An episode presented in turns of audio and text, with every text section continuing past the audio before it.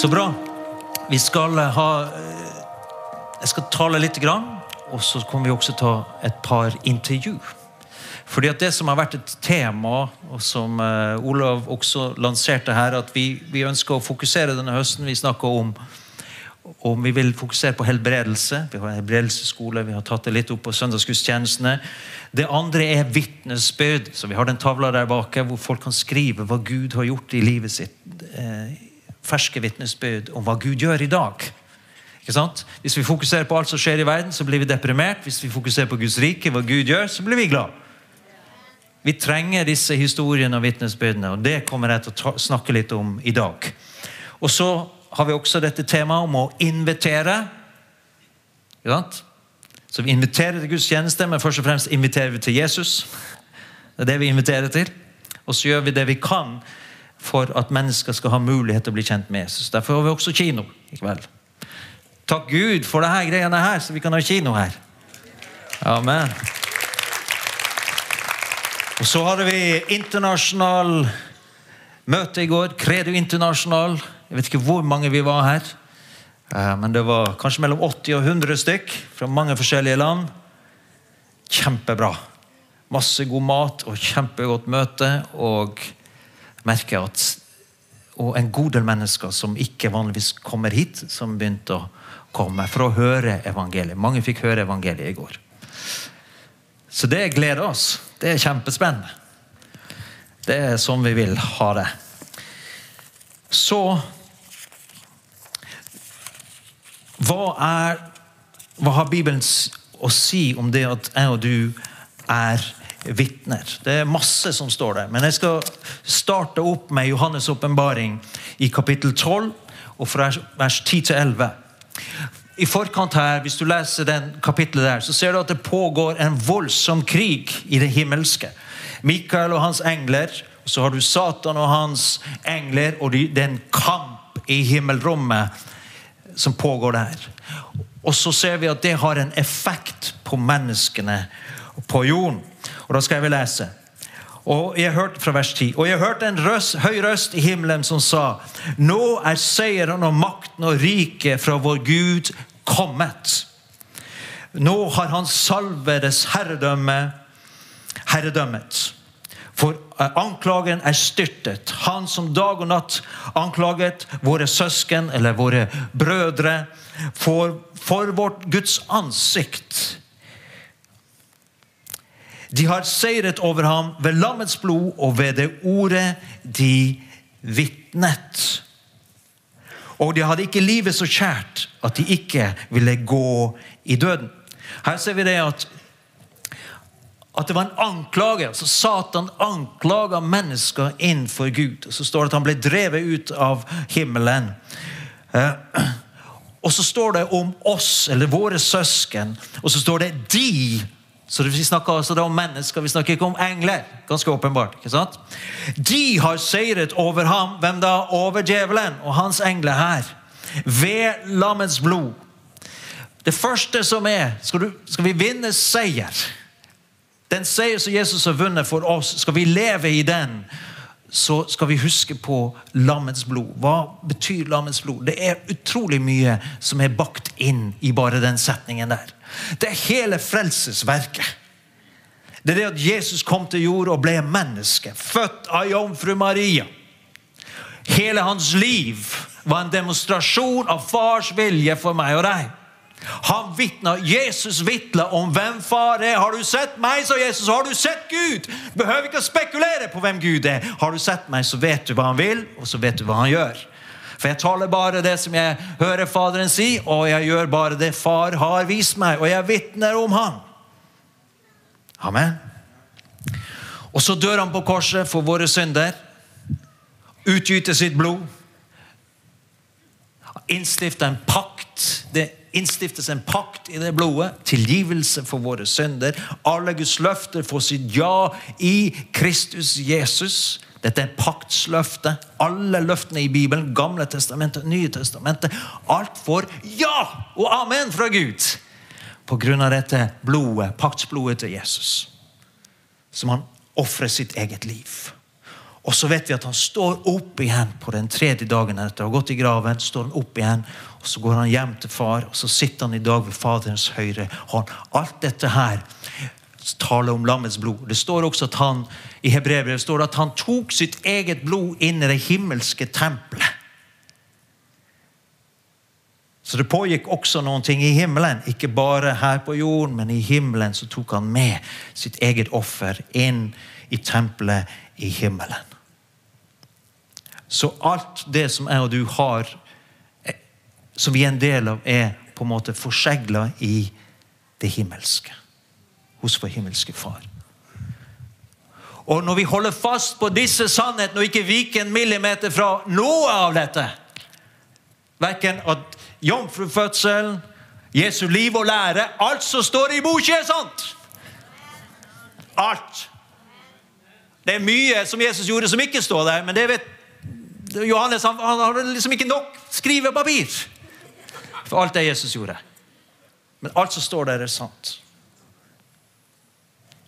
Og det er sant at Jesus døde. Han ga sitt liv frivillig. Han gikk i graven for oss, og han sto opp igjen. Alt det er sant. Når jeg og du kjenner til det og tror det og holder fast ved det, så vinner vi over den onde. For dette er sannhetene som har beseiret han en gang for alltid. Han er beseiret i den forstand. Men så står det også det at denne kampen må vi ta del i. Og gjør hvordan gjør vi det? Jo, han sier også det at vi må være med og vitne med våre ord. Både om hva Jesus har gjort, på korset og i oppstandelsen, men vi må også vitne om hva han gjør i våre liv i dag.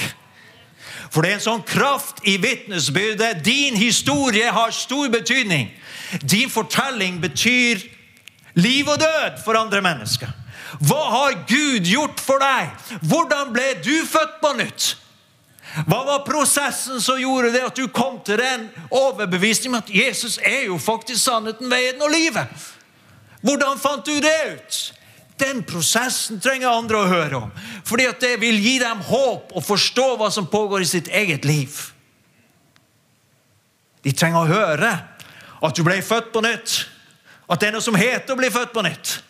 De trenger å høre hva, hva skjedde i livet ditt da. Hvordan begynte Gud å jobbe i ditt liv? Hva forandret seg i livet ditt? Hvordan har Gud svart på dine bønner? Alt dette har vi vitne om. Og Dette verbet på gresk martyreo betyr å fortelle om hva vi har sett og hørt.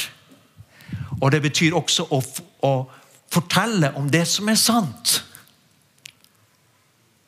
Vitne til mennesker om hva som er sannheten. Og Jeg har lagt merke til at mange ganger når Kanskje mennesker i utgangspunktet er, har litt sperrer oppe for disse bibelske sannhetene. De har fått inn feile tanker om det, og så avviser det før de egentlig lytter nøye nok til hva dette dreier seg om. Men din historie, din fortelling om hva Gud har gjort, og de gode tingene han har gjort i ditt liv, det kan de ikke fornekte. For det er jo du som forteller det.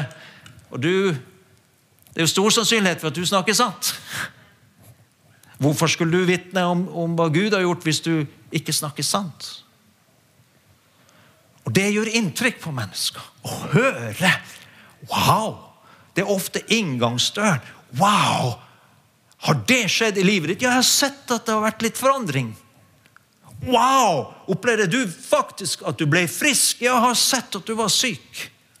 Hvordan har det seg?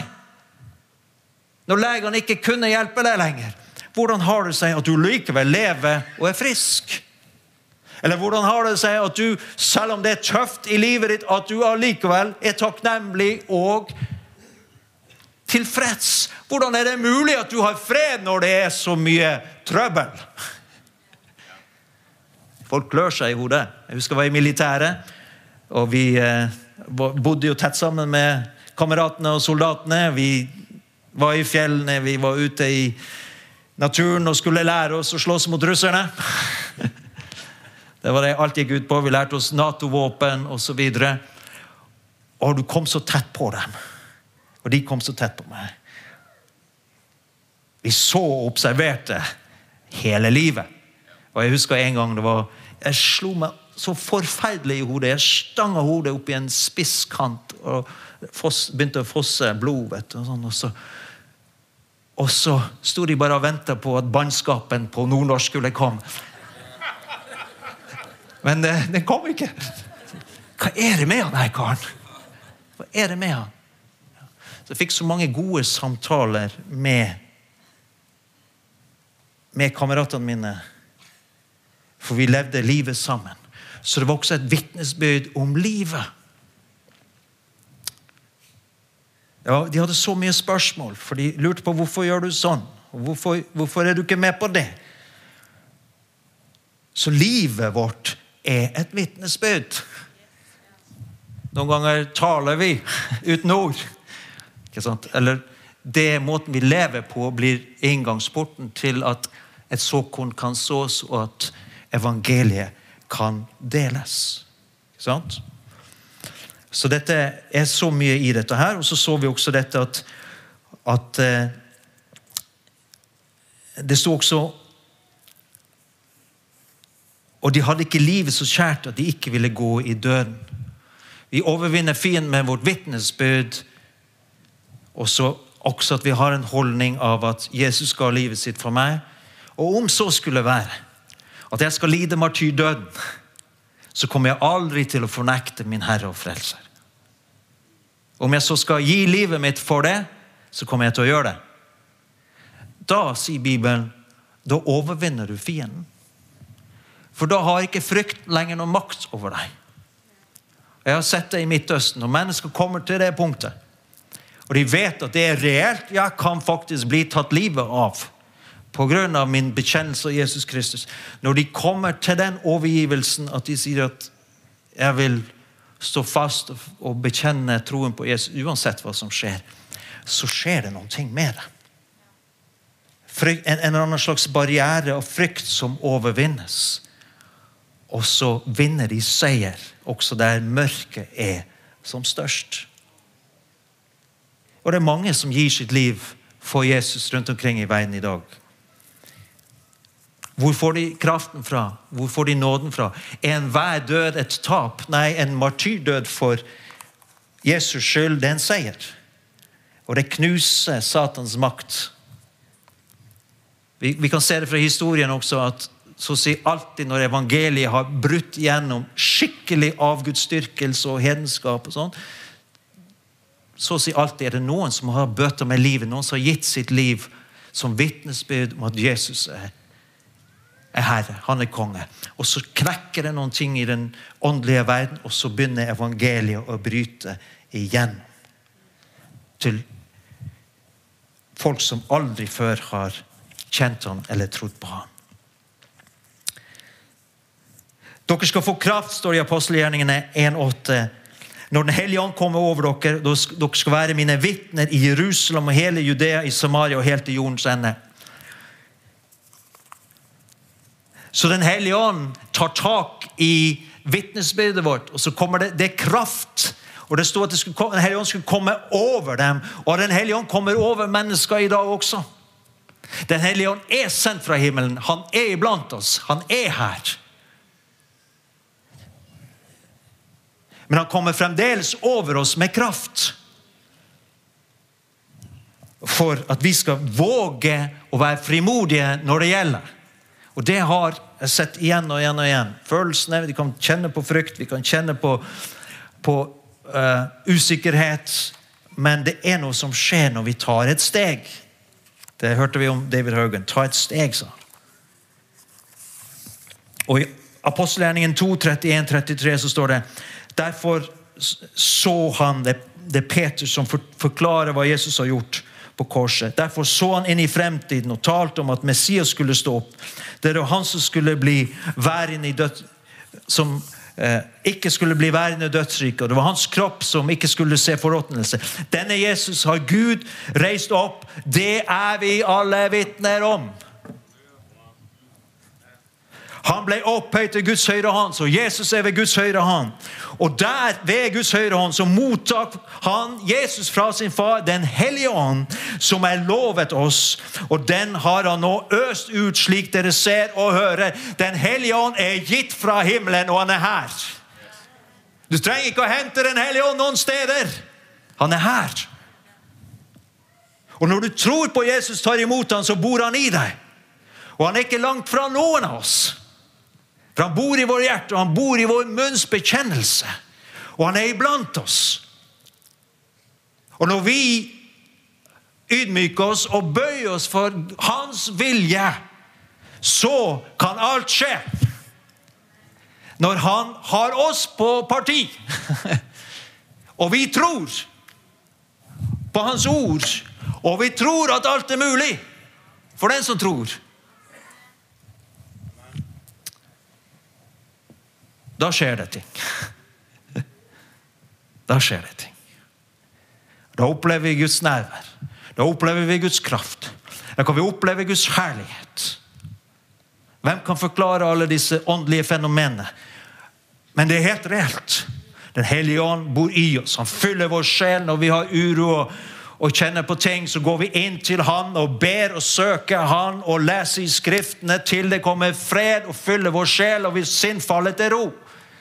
Sånn vi møter prøvelser og vanskeligheter inn til Gud. Og så hender det at han kommer over oss på en helt spesiell måte. Så bare løs oss. Løse vår sjel, løse vårt sinn fra, fra bindinger og bøyer og bånd og synd og demonisk innflytelse. Bare bam! Rive lenkene i stykker over mennesker. For han kom for å sette oss fri. Jesus kom for å sette oss fri.